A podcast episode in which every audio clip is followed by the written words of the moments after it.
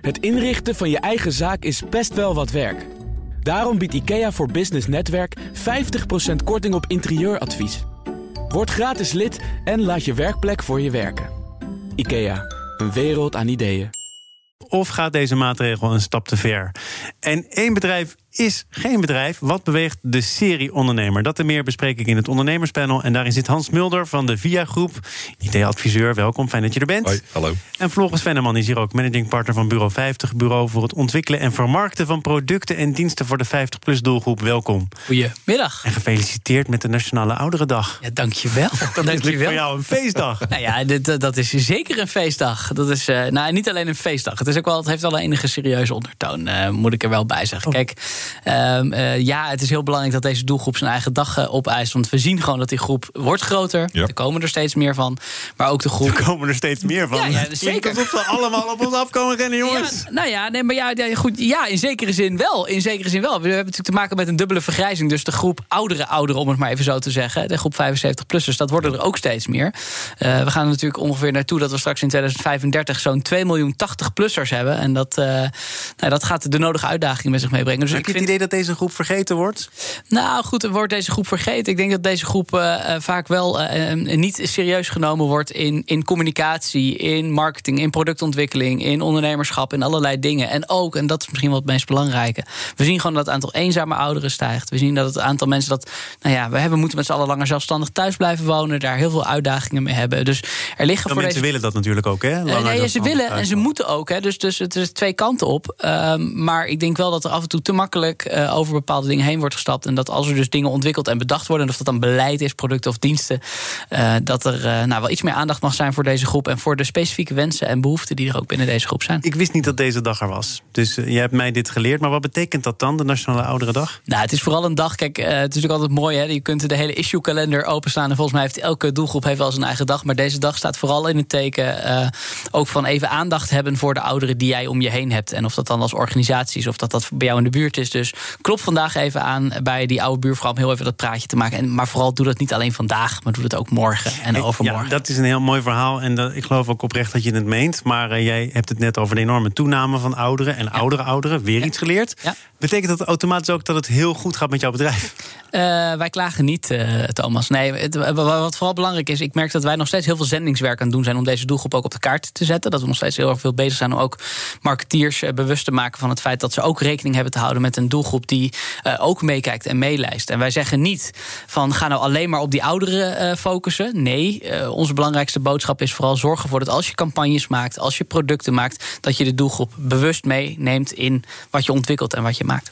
Ik zie jou knikken, Hans. Dat betekent ja. dat. Is het herkenning omdat je jezelf een oudere voelt? Of is het iets anders? Ja, ik ben net 51, dus misschien. 51. heb je al aangemeld voor het Nationale 50-plus panel, of niet? Uh, nee, nee, dat nou, moeten we doen snel dan. even doen. Nee, maar heb jij het idee dat, dat in marketing en in boodschappen, producten, diensten... dat uh, die 50-plusser, 60-plusser vaak vergeten wordt? Want ik hoor altijd, ja. dat zou zonde zijn... want er zijn ook vaak mensen met veel geld te besteden.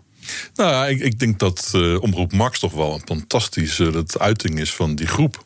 En daaromheen zou je verwachten dat het ook gebeurt. En ik zie dat ook. Ik zie allerlei reclames van elektrische fietsen voorbij komen op dat moment. Dus... Dat is oud gedacht, hè? Dat kan tegenwoordig altijd. Ja, maar goed, ik denk wel dat dat een eerste signaal was dat dat een serieuze groep is waar je rekening ja. mee moet houden. En ik denk inderdaad dat Floris daar gelijk in heeft. Dat is niet een, uh, laten we zeggen, een hele uh, sterk ontwikkelde strategie. We nemen het mee nu in de slipstream. Maar ik denk inderdaad dat als je praat over 2 miljoen, zei je. Ja, in totaal zijn 7 miljoen 50-plussers in Nederland. Miljoen. De helft van alle volwassenen in Nederland is inmiddels 50 jaar verouderd. Zo. Ja. Wat is jouw nieuws? Ja, ik las de, krant en uh, je zou denken wat geweldig nieuws dat al het contante geld gaat verdwijnen. Maar de bankpresident in Zweden is daar eigenlijk heel bezorgd om. Er is nog maar 1% uh, papier en muntgeld. Uh, mede door de corona aangejaagd. In Zweden is dit, hè? In Zweden. Ja. Ja, ja, mensen hebben eigenlijk niet zoveel meer om het in de handen te houden. Ik denk dat dat hygiënisch is. Maar uh, er zijn ook wat zorgen. En die zorgen zijn dat je wel zeer afhankelijk wordt van de centrale bank. Uh, banken eigenlijk. En op het moment dat dat om uh, dat zou vallen door de stroomstoring. Je hebt dat misschien wel eens meegemaakt bij de supermarkt. Ja, dan is het eigenlijk ook niet meer mogelijk om dat ja, te betalen. Nou, dat is, dat is in Zweden dan niet meer mogelijk. Ik geloof dat Hoekstra, onze eigen minister van Financiën, zich daar gisteren ook over heeft uitgesproken. Hij heeft het belang van cashgeld nog eens benadrukt. Ja. Dat is misschien goed, maar ik heb het nog even opgezocht in de cijfers van de Nederlandse bank. Uh, in 97% van alle winkels kun je nog cash betalen. Ja. Nee, de ontwikkeling is uh, naar beneden toe. Hè. Dat is eigenlijk waarom het een interessant artikel is. Je ziet dus zeker nu de laatste tijd dat uh, bijvoorbeeld in Noorwegen zag ik zelfs dat het meer dan 100% is gedaald, het, het kasgeld. Dus je ziet een tendens, mede door het feit dat mensen geen kasgeld meer willen hebben. En dat is denk ik een belangrijke ontwikkeling. en ik vind het ook interessant om te zeggen, moet je dan weer terug naar meer kasgeld? Want dat zou dan de natuurlijke reflex zijn. Maar ik denk dat je zou moeten zeggen, nee, het gaat niet meer om een centrale munt. Het gaat om een decentrale munt, om een muntje, om een token. En dan zie je onmiddellijk weer een relatie ontstaan met... ja, misschien kan je weer van deze crisis een kans maken... Hè, door wat zaken aan elkaar te verbinden. Eh, ik vond het heel leuk dat ze in Zweden geen spaarvarkens meer maken. Want ja, dat geld gaat er toch niet meer in, eh, in papiervorm of in muntvorm. Maar er zijn banken in Zweden die dus wel digitale spaarvarkentjes maken voor kinderen. Wat is dat dan, een spaarrekening? Nou ja, dat is een spaarrekening, maar zodanig toegankelijk... dat de jongeren hè, of vanaf vijf, zes jaar ermee kunnen werken. En dat zie ik nog niet, nog niet gebeuren. En dan zitten de ouders en de oma en opa eventueel digitaal op elkaar op de bank. Hè, want niet te dicht bij elkaar natuurlijk. En dan kunnen dus oma en opa hè, toch een muntje geven in het digitale spaarvarkentje uh, van het kleinkind. En ik denk dat dat is een interessante uh, uh, ontwikkeling. Want dat betekent dus dat waar voorheen er toch wat kritische noten waren over het gebruik van, ja, laten we zeggen, munten in digitale vorm. Hè, vaak bekend ook als bitcoins. Dat het misschien nu eens een keer een kans zou kunnen worden. We gaan uh, naar iets wat geen kans is, maar een uh, verplichting. Oh nee, een dringend advies, want dat is het. Namelijk het dragen van mondkapjes. Dat heeft uh, Mark Rutte maandag tijdens de persconferentie gezegd. En in het Kamerdebat zei hij het nog wat explicieter, wat dringender, zonder het een verplichting te noemen. dus de verantwoordelijkheid ligt, als je het helemaal afgaat, alsnog bij winkeliers. Wat vind jij van hoe dat is gelopen, Floris? Nou ja, goed, ik, ik vind altijd, uh, mensen uh, houden volgens mij van duidelijke taal. En dit soort vage opmerkingen met nou ja, eigen verantwoordelijkheid, dat, dat, dat is te open, te vrijblijvend. Dat betekent dat jij het wel doet en ik doe het niet. En ik vind dat misschien een beetje raar dat jij het niet doet. En jij vindt misschien een beetje raar dat ik hem. Nou weet je, je krijgt hele rare situaties. volgens mij is een eenduidig iets, hè, wat je eigenlijk volgens mij bijna in alle landen van Europa inmiddels ziet. Als je ergens binnen bent, heb je een mondkapje op. En als jij zit op je plek, en of dat dan in de horeca is of op kantoor, dan doe je hem af. Uh, ik ben geen fan, uh, maar ik geloof wel dat eenduidigheid werkt. Met z'n allen mondkapjes op binnen, punt. En niet dit soort vage woorden. Jij met zegt, eventueel... mensen houden van duidelijke taal. De boodschap van Rutte is volgens mij altijd geweest... wij in Nederland zijn niet van het opleggen van maatregelen... want daar houden wij Nederlanders niet van. Nee, maar dan moet je zeggen, nee, doe het niet, punt. En dan moet je niet een halfslachtige opmerking maken met, nou weet je, als jij denkt dat het goed is en, en, helemaal, en als je hem dan inderdaad ontleedt wat jij net zegt, ja, ga maar dan bij de retailer politiemannetje laten spelen. Ja, je kunt er niet van de retailer. heeft het op dit moment al lastig zat om überhaupt klanten in zijn winkel te krijgen en die ook te houden en die te converteren naar handel. Denk ik, dan ga je ook nog even vragen of hij even politieagentje wil spelen. Nee, kom op. Het is net niet duidelijk, want uh, toen ik uitgenodigd werd deze week om hier te mogen komen fysiek, toen vroeg ik natuurlijk onmiddellijk: moet ik een mondkapje om? En de collega zei, ja, dat weet ik eigenlijk helemaal niet. Dan moet ik even navragen. Hier tijdens het uh, radio-interview. Ja, inderdaad. Dus ik dacht van, wat gaan we doen? Hè? Natuurlijk alles hier goed geregeld. Hè. We krijgen hier vers gewassen schoon uh, ploffenkapjes. We hebben hier uh, mooie plexiglazen. Dat, uh, Gedoucht in de alcohol alles hier, hier net. geregeld natuurlijk. Maar het gaat mij meer om de onduidelijkheid. De onduidelijkheid die je nu creëert is... alles wat voorheen publiek was... en nu wordt het ook open ja, overdekt... Hè, dat zou dus een aanmerking kunnen komen voor eigen verantwoordelijkheid mondkapje opzetten. En ik denk dat sommige mensen dat niet doen. En andere mensen doen dat wel. En dat leidt volgens mij tot een hele onduidelijke situatie. Dus ik zou het veel plezieriger vinden om inderdaad dan te weten waar je het wel moet opzetten. Dan naar een iets duidelijker onderdeel van die persconferentie van uh, premier Rutte. Want hij kondigde ook aan dat als uit onderzoek van de GGD blijkt dat een besmettingshaard is terug te leiden naar een kantoor, dan kan een bedrijf of een instelling 14 dagen worden gesloten. Ja. Met andere woorden, hou je aan de regels. Probeer inderdaad zoveel mogelijk thuis te werken. Heb je niet alles gedaan? Is er sprake van een besmetting op jouw kantoor? Dan zal je het voelen. Ja, dat is wel grappig, hè? Kijk, want als het kantoor dus gewoon alleen een kantoor is... waar dus niet geproduceerd wordt, dan kun je ook thuis werken. Dus het lijkt heel stoer om te zeggen: Nou, je mag twee weken lang niet op kantoor komen. De vraag is veel eerder: is hij ook bereid om binnen twee weken productiebedrijven te sluiten? Kijk, dat vind ik wel een andere eh, dat, uh, situatie. Ik vrees dat daar allemaal mitsen en maren en stel dat en wat ifs vandaan komen. Ja. Ja, ja. ja. dus kijk, het punt is, als je thuis kan werken, is al de regel, dan moet je eigenlijk thuis werken. Dus ik vraag me ook af, ja, als je dan op een kantoor zit en het gebeurt, ja, wat is dan het risico dat je dan. Maar ook een productiebedrijf kan toch ja, nee, maar dan de regels niet hebben gehanteerd. Ja, maar dan is het verhaal beter. Dan is het verhaal niet het kantoor wordt gesloten, het bedrijf wordt gesloten. Precies. Ik vind er nu nog een beetje een, uh, weer een grijze marge wordt erop gezocht. Maar weet je wat het, wat het, wat het gewoon is volgens mij met het hele coronading? Is dat de, deze regering durft niet te kiezen, durft niet met de vuist op tafel te zeggen. En we gaan het gewoon zo doen. Daar is geen spel tussen te krijgen. Het zijn allemaal van die halfslachtige dingen. Want... Misschien is het ook niet eens nodig. Ik zag uh, gisteren Sandra Flippen van uh, ABN AMRO, de hoofdeconoom, daarbij uh, op één zitten. Ze is ook lid van ons economenpanel. En ze zei: Voor de economische schade hoef je de lockdown niet te laten. Want mensen gedragen zich er nu toch al naar. Als je kijkt naar het aantal pintransacties, dan is dat zonder dat er sprake is van een lockdown al ernstig ja. teruggelopen. Dus eigenlijk kwam haar betoog erop neer: doe het dan ook maar gewoon. Ja, weet je, ik ben er absoluut geen voorstander van. Hè, want ik, ik zie even welke klap we hebben gemaakt aan het begin van het jaar. Als ik even overal om mij heen kijk naar, naar nou ja, reis, horeca. Weet je, al die partijen. Nou, je hoeft het er niet over te hebben, want dat weten we inmiddels. Maar ik denk van, het was, het was wel helder en het was wel duidelijk. En, en liever misschien even met elkaar drie, vier weken doorbijten.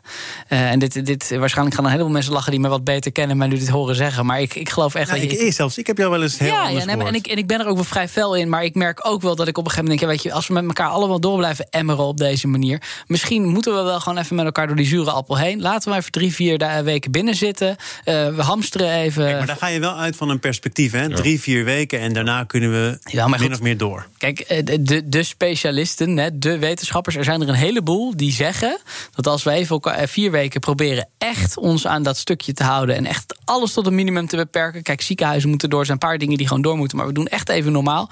Dan is de kans groot dat het virus in ieder geval op zo'n niveau is dat de kans op verdere verspreiding en weer een hele erge opleiding.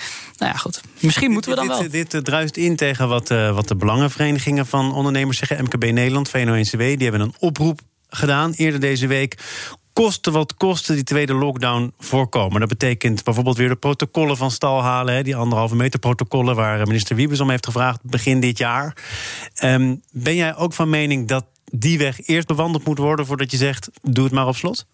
Nou, kijk, de gedachte dat we het regionaal kunnen aanvliegen, vind ik al heel erg gevaarlijk, eh, zeg maar. Dus dat betekent dat je toch nationaal gaat.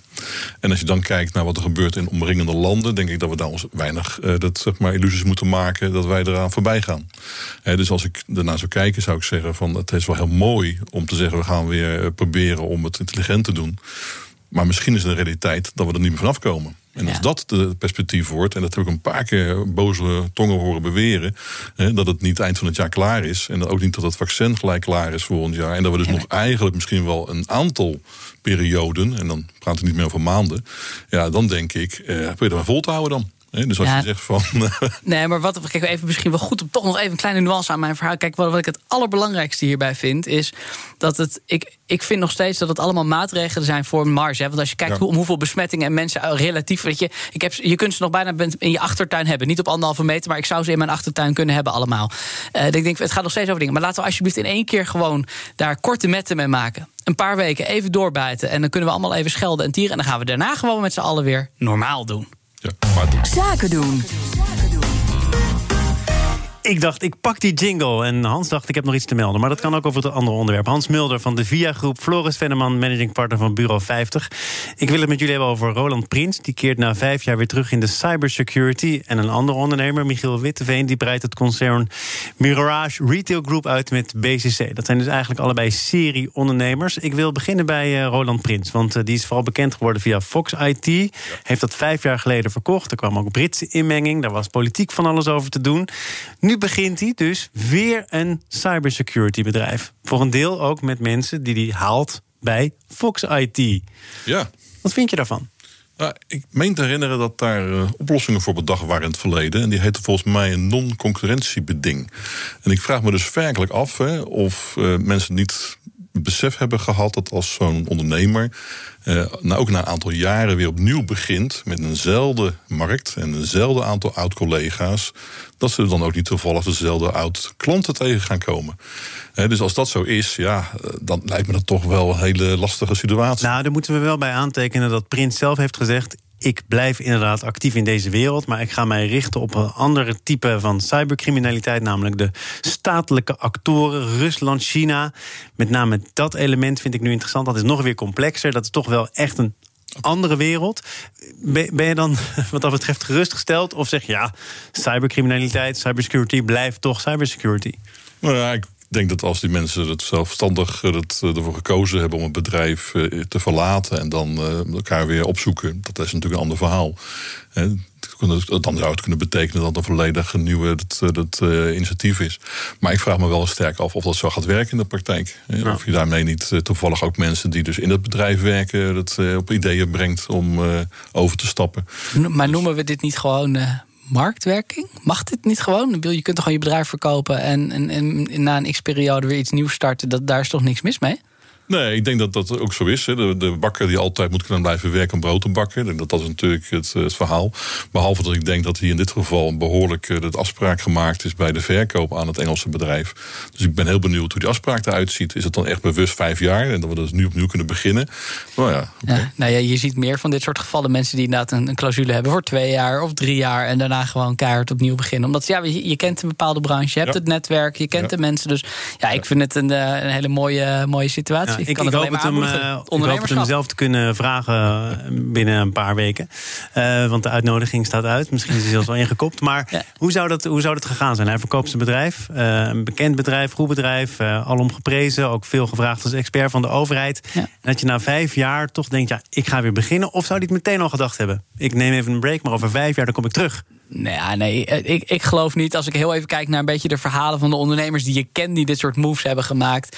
In de eerste periode, vaak ben je er ook wel even klaar mee. Is het ook wel even goed zo? Om, om heel even een stap terug te doen, even uit die branche, te weer eens even allemaal van een afstandje beschouwen. Dus ik, denk, ik geloof nooit dat hij dit met voorbedachte raad op deze manier gedaan heeft. Dat, uh, je mag het hem vragen. Maar nee, ik, bedoel dat, niet per se kwalijk. Maar je, je, je zou je ook nog kunnen voorstellen dat je juist wil laten zien dat je het niet alleen op het gebied van cybersecurity kan, maar dat je ook de wereld versteld laat, laat, laat staan, omdat je goed bent met ja, maar juist, Jawel, maar juist die ondernemers gaan vaak op hun spreekwoordelijke bek. Omdat ze dan denken, oh, maar wacht even, als ik dit trucje in deze branche kan, kan ik het trucje ook wel in de andere branche. En die gaan vaak onderuit.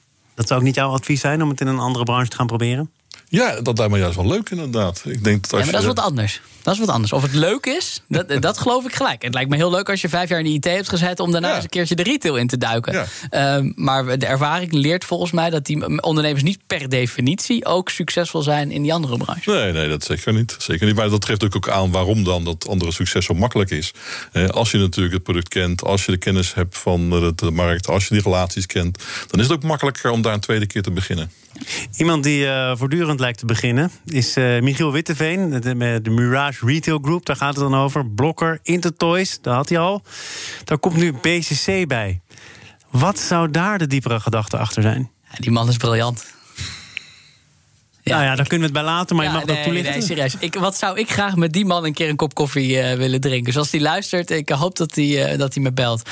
Um, Nee, ik vind, dit, ik vind dit zo slim wat hij aan het doen is. Hij, uh, hij kent die retailmarkt zo door en door. Hij weet welke bedrijven er spelen. En hij, hij is op de achtergrond volgens mij. En nogmaals, ik zou het hem graag een keer persoonlijk vragen. Maar zulke slimme dingen op de achterkant aan het verbinden. Uh, met mooie herkenbare... Maar wat, voor dingen verbindt hij dan? Dingen uh, waar het uh, mee mis is? Het, zijn, het zijn herkenbare merken in de markt. We hebben er over het algemeen een positieve associatie bij als consumenten zijnde.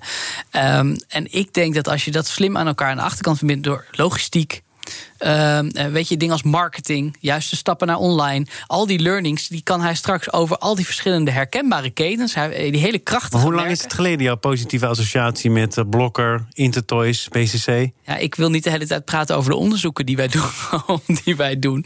Maar ik heb, we hebben nog niet zo lang in Nationale 50 Plus panel onderzoek gedaan naar retailmerken. En ik heb jullie volgens mij net in het begin nog verteld wat we hier over 7 miljoen consumenten hebben.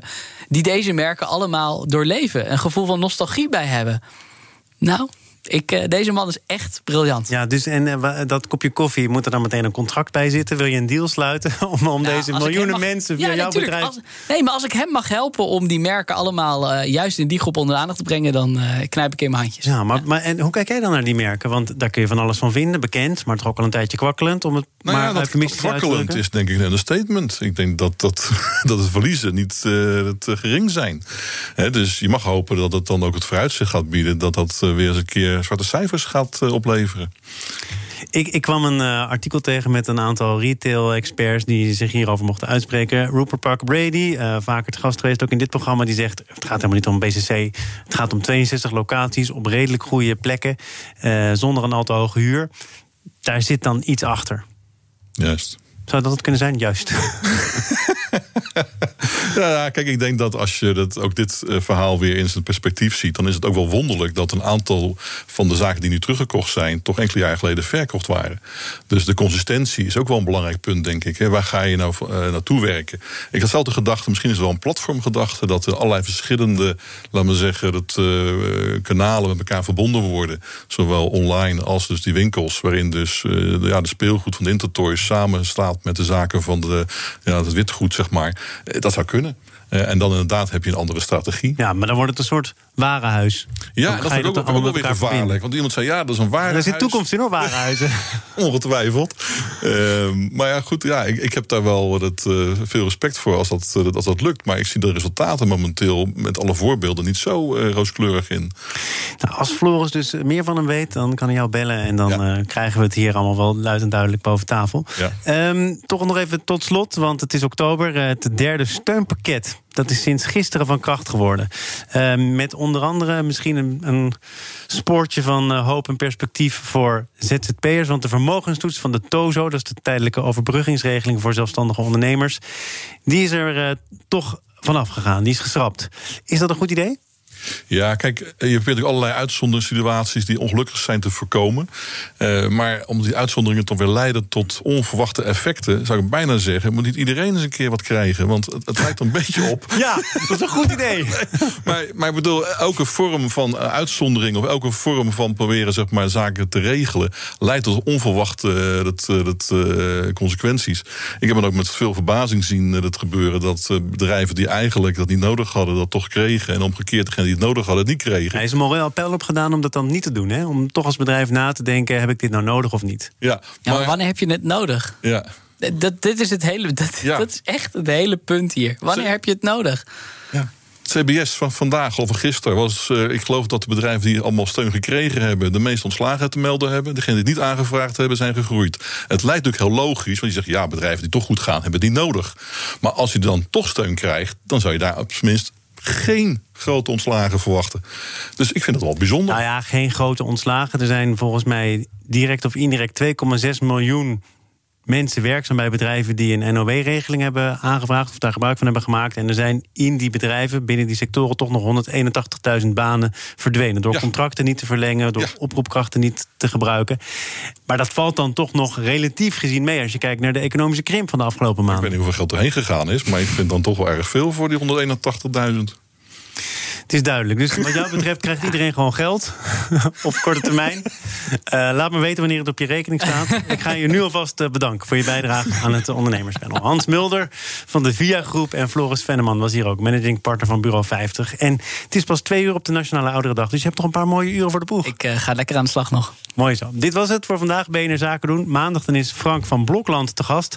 Hij is directeur van de Vereniging van Institutionele Beleggers in Vastgoed. Ook zij hebben dus te maken de coronacrisis en de negatieve effecten daarvan. Maandag veel meer daarover in BNR Zaken doen. Zometeen eerst Nieuwsroom Den Haag. De dagelijkse podcast van het FD en BNR. Vandaag dus speciaal gericht op de situatie rond het Binnenhof... met Mark Beekhuis en onze politiek verslaggever Sophie van Leeuwen en Laurens Boven. Tot maandag. Het inrichten van je eigen zaak is best wel wat werk.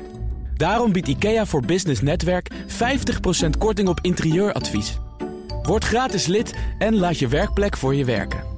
IKEA, een wereld aan ideeën.